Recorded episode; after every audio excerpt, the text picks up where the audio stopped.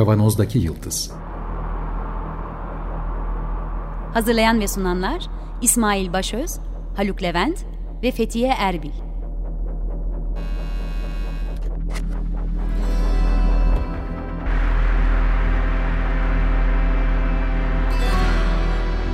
Bugünün penceresinden geleceğin ayak izleri. Merhabalar, Açık Radyo'dayız. 95.0 Kavanoz'daki Yıldız programında sizlerle beraberiz yeniden. Haluk burada. Merhaba. Ben İsmail. Geleceğin ayak izlerini sürmeye devam edelim. Geçtiğimiz programlarda böyle bağlantılı şekilde gidiyoruz. Her konu, her yaptığımız program bize yeni sorular getirdiği için bir yandan da yapay zekaları konuştuk, işte CRISPR teknolojileri vesaire bir sürü teknolojiye dair gelişmeler ve çok acayip bir hız ile bu sürecin yükseldiğini ve toplum yaşamına da çok büyük etkiler yaptığına dair çok burada laf ettik. İşte bilgisayarlardaki işlemci hızlarının artmasının, bu teknolojideki dönüşümün tıpta da, sosyal alanlarda da birçok alanda da e, karşılığını hızlı bir şekilde bulduğunu ve çok büyük gelişmeler olduğundan bahsediyoruz sürekli. Fakat burada ilginç bir nokta var. Uzun süredir de e, aslında dikkatimizi çeken bir nokta. O da bu hız kavramı. Hız sanki güzel bir şeymiş gibi de geliyor kimi zaman kulağımıza. Ee, ama onunla beraber neler oluyor, nasıl dokunuyor bize hız kavramı biraz bunlardan sohbet etmeye başlamak istedik. Elimizde net bir bilimsel gelişme, teknolojik gelişme yok e, bu süreçte, bu sohbet sürecinde. Sadece hızla ilgili geleceğin ayak izlerini, bugüne bıraktığı izleri e, biraz konuşmak istiyoruz. Valla üstünde biraz okumaya başlayınca çok geniş bir alana yayıldığını, e, çok geniş konu konu başlıklarıyla sohbet edilebileceğini gördük açıkçası. Birçok seri programda olduğu gibi başındaki bizle sonundaki biz arasında fark olacağına emin oldum bir süreç Haluk. yani. Doğru. Bir de bu hızı konuşurken ister istemez tabii zamanı konuşmak zorundayız. Bu da çok tartışmalı bir mesele. Yani safları belirlemek lazım gelen bir mesele daha doğrusu. E, çünkü hız sonuç itibariyle bu zamanın bir fonksiyon olarak ifade edecek olursak onun bir e, türevi değil mi? Son, evet. O yüzden. Evet. Nasıl, Ama, zamanı nasıl kavradığın ve onu nasıl ele aldığın da hızla kurduğun ilişkiyi belirleyen bir unsur haline dönüyor. Ay tam aynen tamamen bu. Yani bizim zamanla kurduğumuz ilişkiyi belirleyen bir parametre olarak hızı gündeme getirmek zaten şu anda da konuşacağımız şey gerçekten algımızı bozan demeyeyim de e, sevgili Levent Köy'ün söylemiyle oryantasyonumuzu sarsan bir kavram olarak karşımıza çıkıyor. E, sohbet içinde konuşuruz. Programdan önce verdiğim örneği vereyim. Mesela hızlı bir araba kullandığınızı düşünelim. Yüksek hıza çıktığınızı düşünelim. Aman ha trafiğe açık yerlerde bunu yapmayın.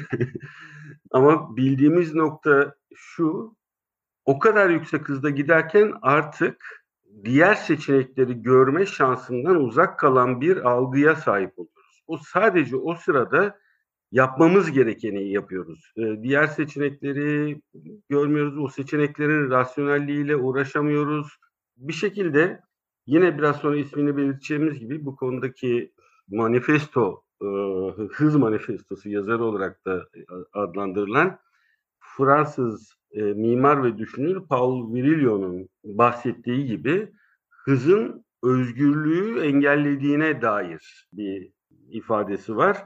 E, burada da mesela gerçekten yüksek hızla yaşarken, yaparken sadece o an yapılması gereken şeyi yapmak ile ilgileniyoruz.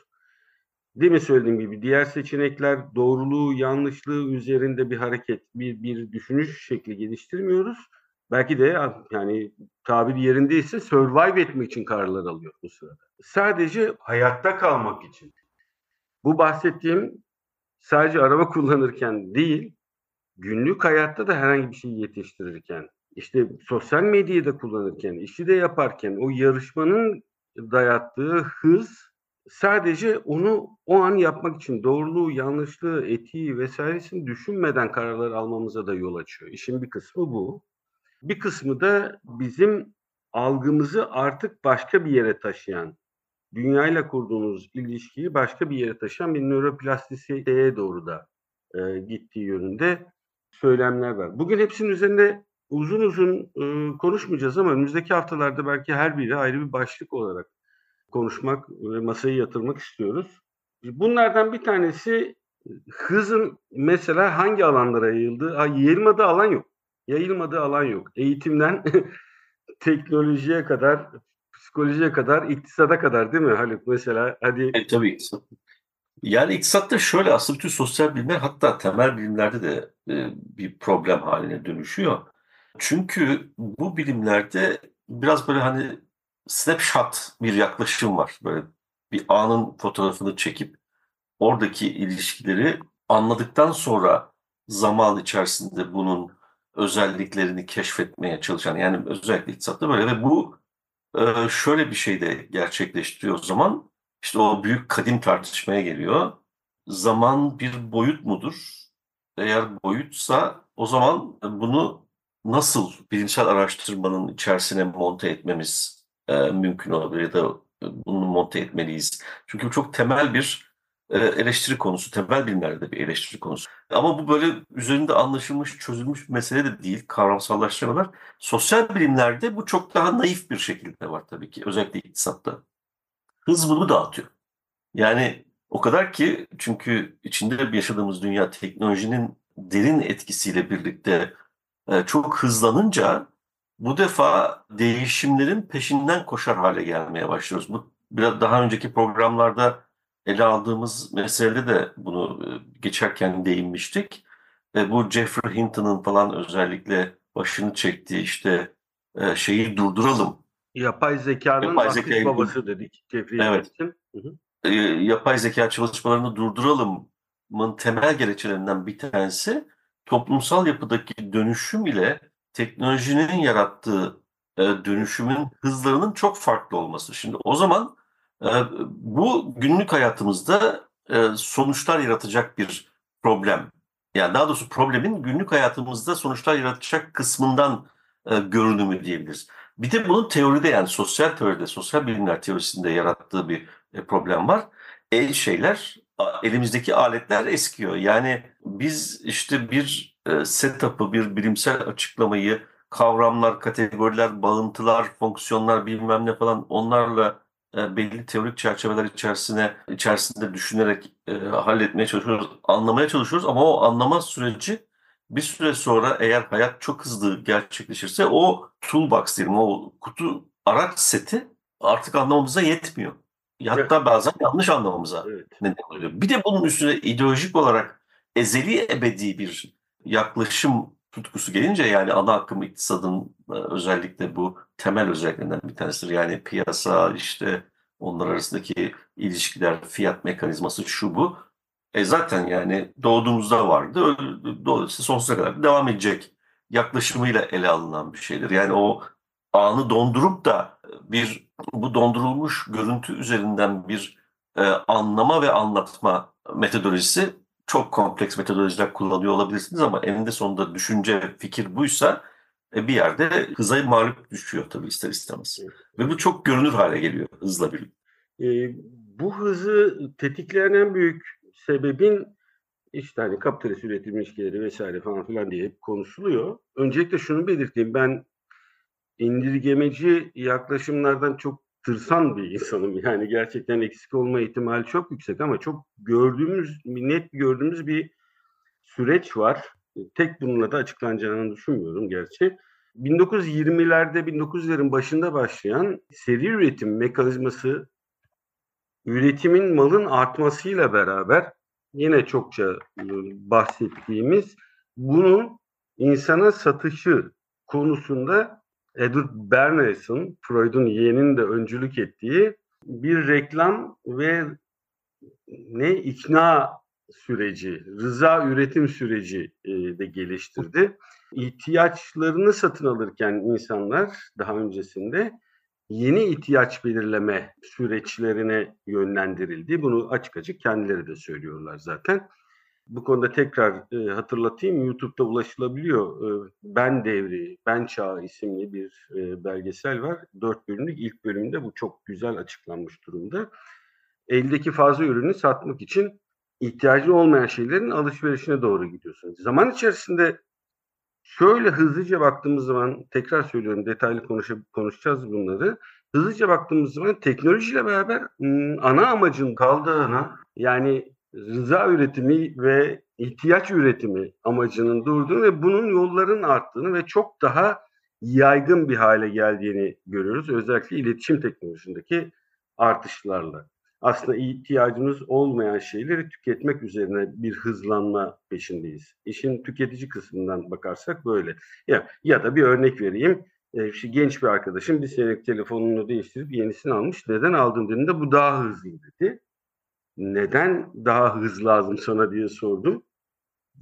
Öyle daha hızlı işte bu dedi. Yani hiçbir zaman ulaşamayacağı hızlar, hiçbir zaman kullanmayacağı hızlardan bahsediyoruz aslında. Ama daha hızlı olması bir geçer akçe, bir, bir, bir, bir artık toplumsal yönelimin bir kriteri haline geliyor.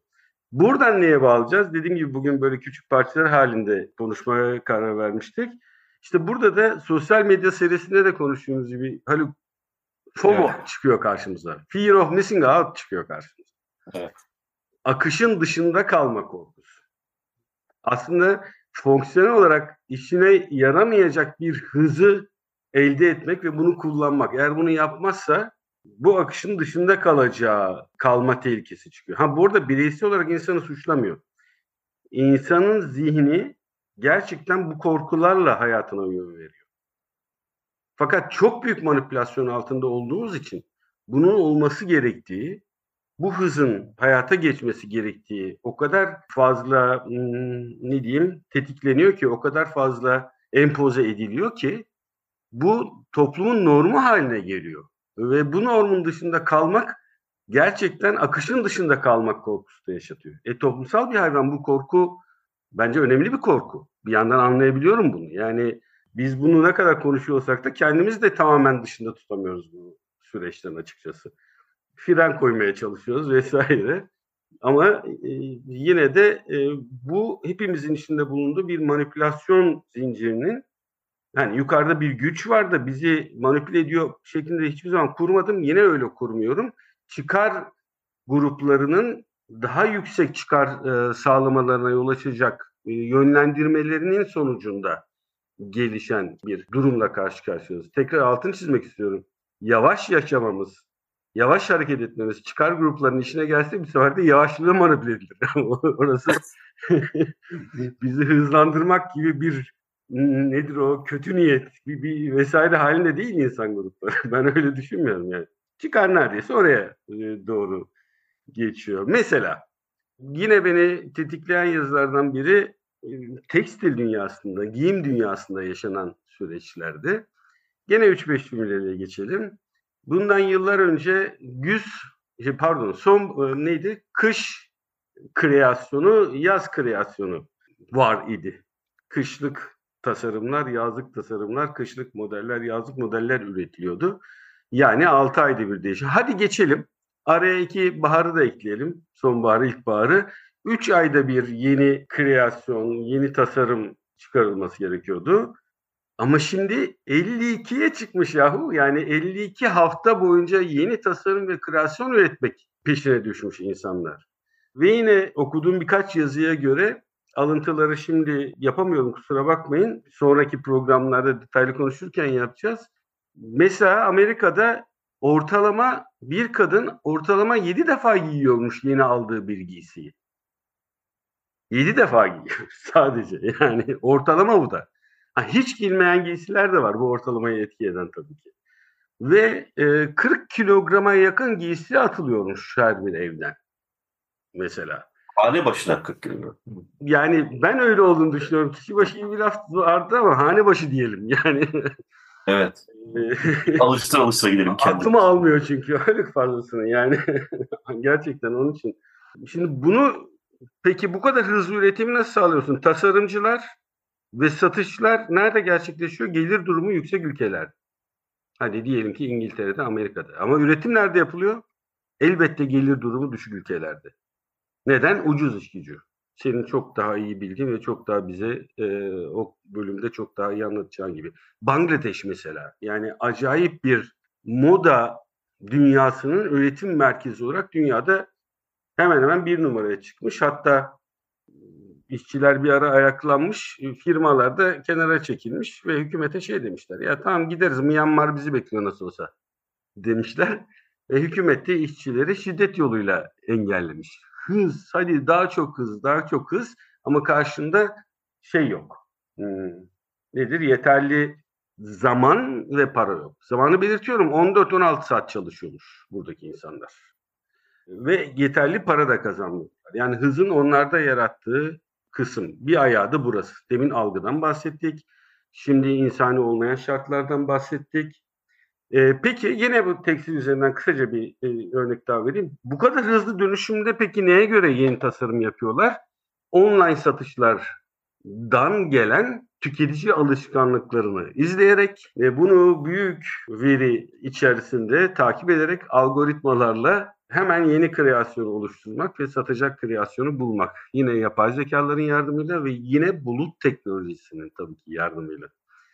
Teknofeodalizmden bahsetmiştik geçtiğimiz aylarda ve buranın başında gerek platform, satış platformu olarak gerekse de bulut teknolojisi olarak yine büyük teknoloji firmalarının var olduğunu ve onların bu teknolojik desteğiyle hızın kat be kat arttığını yine izleyebiliyoruz bu noktada. Evet.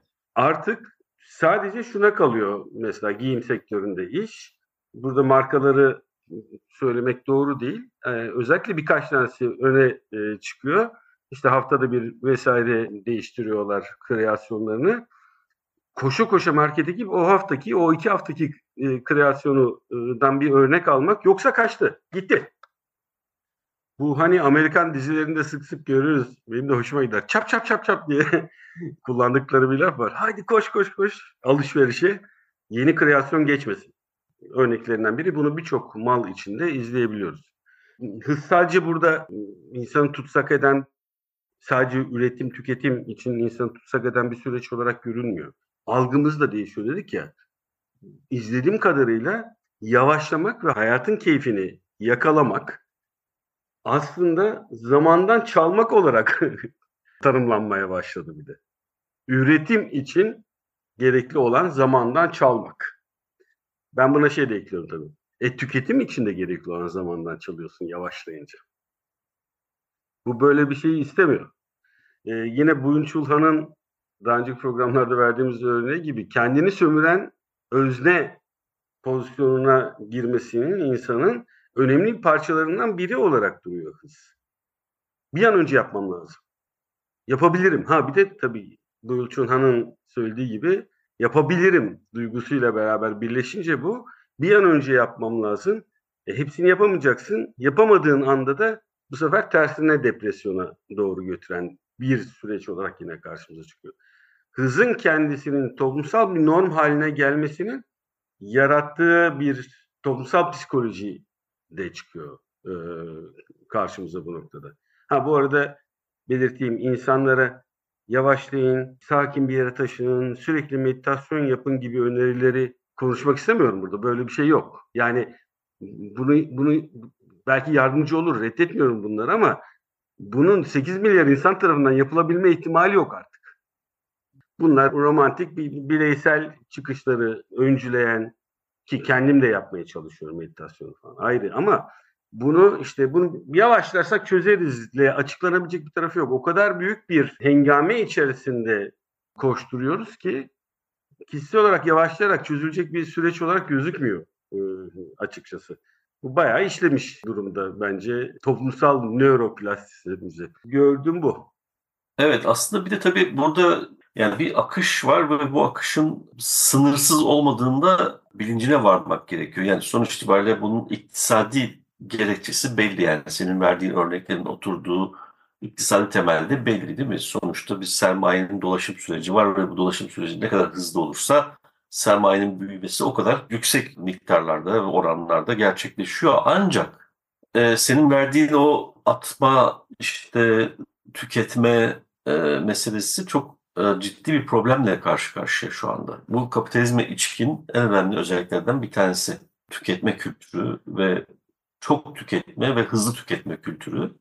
Ama işte içinde bulunduğumuz iklim yıkımı koşulları, küresel kaynakların sınırlılığı duvarına çarpıyor bir yandan da. Yani buradan da büyük bir şey doğmaya başladı. Ee, kapitalizmin mantığı açısından, kapitalizmin yapısal olarak tıkandığı bir durumu ifade ediyor. Bu hız tutkusu son yani bir tür amok koşusuna dönüştüğü için artık tüketelim tüketelim daha fazla tüketelim falan. E, ama kaynaklar yetersiz. Dolayısıyla aslında e, bu hızlı tüketim ve artan hız tutkusu diyelim tırnak içinde bir yandan kendini yok etmeye başladı. Menzile vardığımızda, o en yüksek hızla ulaştığımızda aslında ölmüş olacağız. Bu tabii çok yaman bir çelişki. Evet. Ee, güzel yapısal bir kriz halinde. Ama bunun aşıldığı bir alan da var. Ee, ışık hızında ticaretin yapıldığı bir alandan bahsediyorum. Nasıl? Finans. Nasıl yahu? Sektörü. Işık hızında bir... Ama bir dakika, tam da ışık hızına ulaşıldığı zaman madde kalmaz ortada. Zaten işte yok. da orada da kalmıyor madde. Tam da sana bahsettiğim şey Princeton Üniversitesi'nin kitapları arasında yayınlanan bir kitabın başlığı. E, Trading in Speedlight. Bu buradan kastettiği şu.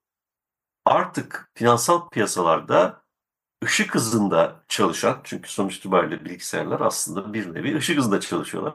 Işık hızında çalışan algoritmaların ve bu algoritmalarla gerçekleştirilen çok yüksek hacimli ticaretin gerçekleştiği piyasalar haline dönüştü. O kadar ki buraya insan olarak bizim nüfuz edip bir karar almamız mümkün değil. Makineler... Çünkü onlar hızlarıyla yok ediyorlar seni. Ha, evet. Orada da yok oluyoruz yani. Aslında o hız içerisinde durup değerlendirip bir dakika ya bu yanlış deme şansın da kalmıyor zaten. Yani. Kalmıyor. Yani zaten sen o algoritmanın mantığı o zaten değil mi? Belli koşullar tanımlıyorsun ve o koşullar içerisindeki hareket planlarını ifade ediyorsun. Bir de tabii burada o kadar küçük marjlar için bu değerlendirmeyi yapabiliyorlar ki yani atıyorum bir dolar santimlik bir arbitraj imkanı. Kar bak şey de yok. Riski de düşürdüğü için arbitrajdan bahsediyorum. Yani e, iki finansal varlığın iki farklı piyasadaki değerlerinin e, küçük bir farklılaşması. Bu bu da zamana bağlı olarak ortaya çıkan bir fark olabilir. Yani algılama süresine bağlı olarak ortaya çıkan farklılık olabilir. Bunu görüp alsatları karşılıklı olarak o arbitrajı kar olarak elde etme ya da rant olarak elde edecek şekilde kurgulanmış şeyler bunlar.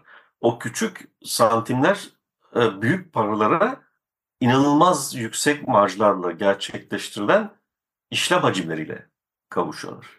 Dolayısıyla o finans piyasasında hız, ışık hızı da herhangi bir işte o bizim senin bahsettiğin e, fiziksel dünyada karşı karşıya olduğumuz hızın karşılaştığı e, bariyerlerle karşılaşmadan e, şey yapıyor. Ama orada da işte kapitalizmin kurallarının geçerli olduğunu söylemek e, zor. Çünkü bu bildiğin bir rant üretme ve bu rantı ele geçirme meselesi haline dönüşüyor. Öyle yatırım evet. yapayım, işte şunu yapayım, bunu yapayım falan gibi genel kapitalist dinamiğin çok dışında gerçekleşen bir iktisadi dinamikten bahsediyoruz.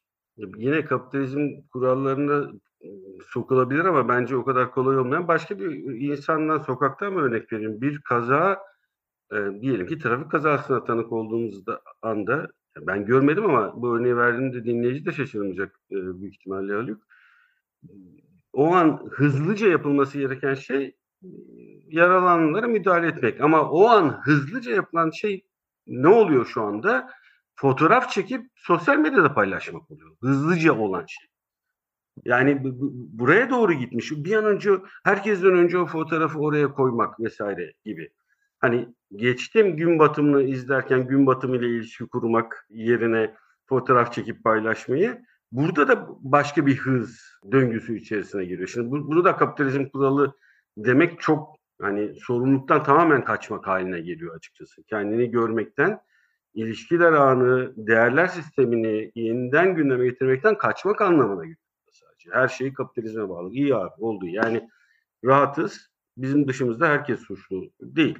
Yani burada ayrıca da suçlu suçlu çıkarmak için değil. Yani bir, bir, bir şekilde hani moda deyimle farkındalık e, biz yaşamak istiyoruz. Dinleyenlerle de paylaşırsak ne hala. Son olarak şunu da bitirmek istiyorum. Bundan yıllar önce merdaneli çamaşır makinesinden otomatik çamaşır makinesine geçerken bir reklam vardı. Çok hoşuma gitmişti. Atıyorsun çamaşırları içerisine, kapağı kapatıyorsun, düğmeye basıyorsun. Sevgiye zaman ayırın diyordu. yani inanılmaz o kadar o kadar doğru o kadar zamanında bir slogandı ki bu. Bütün pazar gününü annemin çamaşırları sık kaldır yıka merdaneden geçirle geçirdiğini biliyorum. Onun yerine bir düğmeye basıp bizimle oynama şansı olacak. Ne kadar güzel falan diye düşünmüştüm. Şimdi o ayrılabilecek zamanı başka şeylerle doldurarak sürekli başka şeylerle doldurarak yine hızla asla yavaşlamasına yol açmadı açıkçası. E, belki başlangıçta birkaç sene yeni bir teknoloji o yavaşlamaya yardımcı oldu belki ama aa bir dakika ya boş zaman mı? Hayır olmaz. Hemen tüketime ya da üretime tırnak içinde. Buradan çalmayalım mantığıyla e, hızlanmak daha da arttı yani. E, Valla Datça'nın sloganı geldi benim aklıma. Bu yavaş şehirler kapsamında belki değerlendirebilecek. Acelem varsa ne işin var Datça'da?